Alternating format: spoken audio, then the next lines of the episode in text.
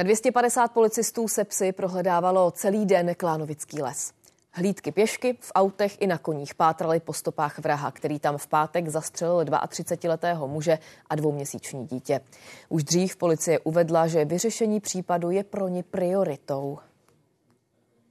V tuto chvíli jediné opatření, které je tedy, aby eh, samozřejmě eh, civilní osoby do, tohoto, do tohoto lesa nevstupovaly. A to z toho důvodu, že samozřejmě probíhají eh, nějaké opatření a samozřejmě bychom byli neradi, aby nám narušovali občané nějakým způsobem celé to ohledání tohoto lesa.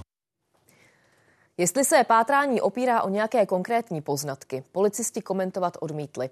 Samotný případ dozoruje Městské státní zastupitelství v Praze. To si taky vyhradilo právo jako jediné poskytovat informace. V současné chvíli není k dotazované věci možné sdělovat žádné podrobnější informace, neboť přípravné řízení trestní je z zákona neveřejné. Tématu se budeme věnovat právě teď s Andrejem Drbohlavem, etopedem a psychoterapeutem z Institutu behaviorálních studií. Dobrý večer. Dobrý večer i vám. Řekněte mi, co tenhle případ ve vás vyvolal. Když jste se o něm doslechl, věděl jste hned, že jde o něco mimořádného? Tak nepochybně. Zareagoval jsem na něj v podstatě velmi podobně jako asi každý, kdo ho slyšel. Je to neobvyklé, atypické, neočekávané, náhle, v podstatě velmi, velmi brutální. Mě strašně překvapilo, že řada vyšetřovatelů, včetně těch opravdu zkušených, říkala, že nic takového nepamatuje. Tak jak tomu rozumět? V čem? V čem je to vlastně jako tak mimořádné? Víte, pro podobné eh, případy, které jsou velmi impulzivní, nenesou známky opravdu jako hned zjevných stop a podobně a nenacházíte paralely i v té kriminalistice, eh, se velmi obtížně hledá pochopitelně nějaká jako zkušenost s tím, že tohle už známe, víme, na co se zaměřit. Takže musí probíhat samozřejmě a jistě probíhá velmi jako široký rozptyl jednak těch vyšetřovacích verzí, ale i sběru stop. A proč to vyvolává tak obrovskou mediální pozornost? Jsou ty důvody stejné? Opravdu vás zajímá tato otázka? Mm-hmm.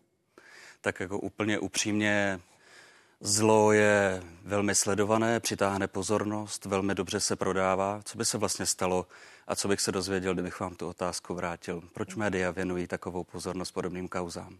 Mě by zajímalo, proč to lidi přitahuje, protože ať už chceme nebo ne, tak vlastně uh, důkazem že nás takové příběhy zajímají, jsou třeba to, že nejenom, že to čteme v médiích, ale že se třeba o vrazích točí i filmy. Mm. Tak proč nás to vlastně tak fascinuje? Zjednodušeně, protože jsme predátoři. Jsme predátoři závislí na svých biochemických procesech. Potřebujeme být drážděni, potřebujeme mít určitý kontakt s něčím, co je rozrušující, co nás aktivizuje, díky čemu můžeme v podstatě vnitřně stále trénovat eh, takovou tu určitou ostražitost a, a podobně i v prostředí, které působí relativně bezpečně. Ale nelze to ani takhle jako zjednodušit. V podstatě to instantní sledování jakéhokoliv zla, tedy z určitého odstupu a bezpečí, je, je prostě obecně jako odvádějící pozornost třeba od turbulencí vlastních životů, tak jako hmm. na chvíli si k něčemu odskočit. Vy jste odborník na sériové vrahy, pokud se nemýlím. Eh, jak to říct, může tahle chladnokrevnost eh, tohoto vraha naznačovat něco víc? Byli tihle mrtví prvními oběťmi? To by bylo velmi odvážné a hlavně zcela neprofesionální z těch málo informací, které máme a které jsou pochopitelně ještě nějakým způsobem jako eh, proceděny skrze média, usuzovat eh, něco více. Jo. Hmm. To by bylo opravdu jako mm, velmi nespolehlivé. To zdali je to jednotný solitérní akt eh, velmi pravděpodobně značně neorganizovaného typu z hlediska provedení toho modu operandy, anebo zdali je to součást něčeho, čemu bychom mohli říkat série Hmm. Nebo co je takzvaná jako záchvatovitá túra. To je něco, jako co můžeme vidět u takzvaných spree killers, specifické kategorie mnohonásobných vrahů. Ukáže až čas a já chci věřit pevně tomu, že nám ale nedodá vlastně čas tyto informace a že se policii a plně jí v tom důvěřuji, eh, podaří toho pachatele dostihnout dříve. Psycholog a soudní znalec Slavomil Hubálek řekl, cituji, Neradi si to připouštíme, ale každý z nás je schopen zabít. Jak se to stane, že se to stane, že se to předsvakne? Víte, ono často zaznívá tohleto, co svého času řekl doktor Hubále, kterého jsem měl tu čest nazývat svým mentorem a vím, že jako je to trošku zobecňováno mediálně. Eh, ono totiž tohleto jeho přesvědčení vychází z celé řady různých výzkumů, ale také historických zkušeností, co s člověkem dovedou udělat i takové podmínky, jako je věznění, koncentrační tábory, krizové podmínky. A to je to důležité, že ve chvíli, kdy člověk začne ztrácet své jistoty, ve chvíli, kdy se cítí být extrémně ohrožen nebo jeho prostředí, jeho okolí a jeho blízcí, tak je schopen i jedinec za normálních okolností velmi umírněný a klidný sáhnout po násilí, potažmo, po případě i po e, útoku a vraždě. Ale neznamená to, že všichni jsme jako možnými hypotetickými vrahy. Hmm. V Klánovickém lese našel kolem jdoucí tělo i před devíti e, lesy, lety. E, také tehdy šlo o složité vyšetřování a dlouho nebyl jasný motiv vraždy. Policie čin objasnila skoro po dvou letech.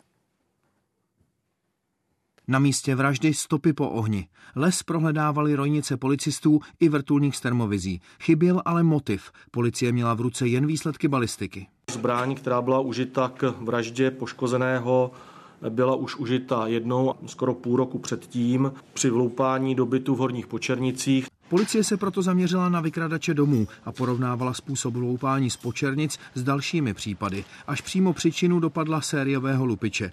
Ten přiznal, že měl v Klánovickém lese zakopanou víc než milionovou hotovost spolu s kilogramy šperků a zbraněmi. Šlo o lup ze stovky domů. Při kontrole své skrýše narazil Oldřich Konrád na cizího muže. Občana Uzbekistánu, který na místě pomocí detektoru kovu hledal v zemi drobné kovové předměty, a to v úmyslu ho usmrtit a odcizit mu detektor kovu, aby tak zabránil odhalení své skrýše. Se tam další den vrátil s nakoupenou teda hořlavinou a aby ještě znemožnil další stopy, tak eh, tu mrtvolu polil a zapálil. Konrád se hájil tím, že nemůže za svět, který je založený na penězích. Od soudu žádal do životí a proti 25-letému trestu se odvolal. Kalkuluje vzhledem ke svému věku délce trestu, aby se už v podstatě nemusel nikam vracet, ale to je pouhá spekulace je to trochu proti zdravému rozumu. S žádostí o vyšší trest ale Konrád neuspěl. Ze zákona totiž není možné odvolat se ve vlastní neprospěch. Pavel Šetr, Česká televize.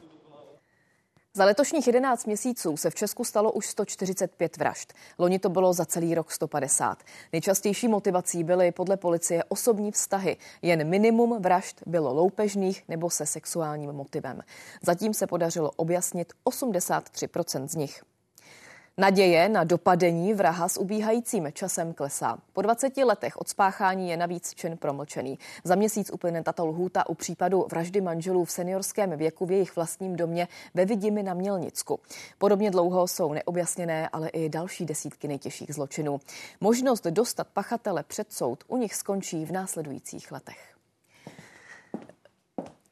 Já jsem vlastně narazila ještě na jeden případ, a to je případ lesního vraha, bývalého policisty eh, z roku 2005. Eh, Jistě si vzpomenete, ten vyvolal posléze diskuzi o přidělování zbrojních průkazů.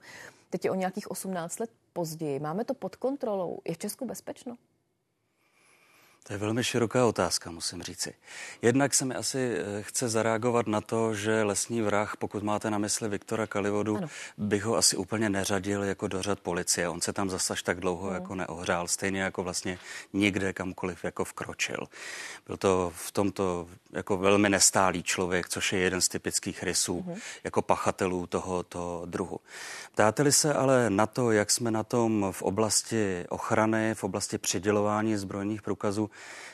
Víte, ono by jako nebylo od věci jako zjišťovat psychologický nebo obecně jako celkovou jako mentální e, stabilitu i u lidí, kteří dostávají třeba řidičské průkazy. To je sama o sobě také vražedná zbraň. Já vím, že náš fokus se snadno zaměří na střelné zbraně, ale ono se vlastně jako do rukou e, mnohdy ne úplně jako e, lidí, kteří by byli stabilní, kteří jsou velmi impulzivní, výbušní, dostávají mnohem nebezpečnější nástroje. A statistika a čísla to ukazují, jenom na ně nedovedeme nahlédnout tímto způsobem. K vašemu dotazu, ale v zásadě myslím si, že to současné postavení i vydávání zbrojních průkazů je v podstatě v mnoha ohledech jako příkladné i pro okolní země a pro svět, kde se získávají zbrojní průkazy mnohem snadnějším způsobem. Ale bylo by dobré posílit i tu složku opravdu toho psychologického posouzení.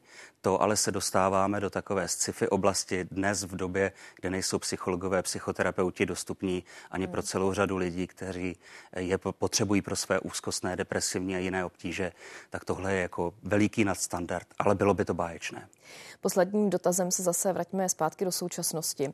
Do Klánovického lesa se vrátili stovky policistů a mě zajímá, co může rozhodovat o tom, že ho policie dopadne, kde teď asi může být, co prožívá, jak si odpovídáte třeba na tyhle otázky sám pro sebe.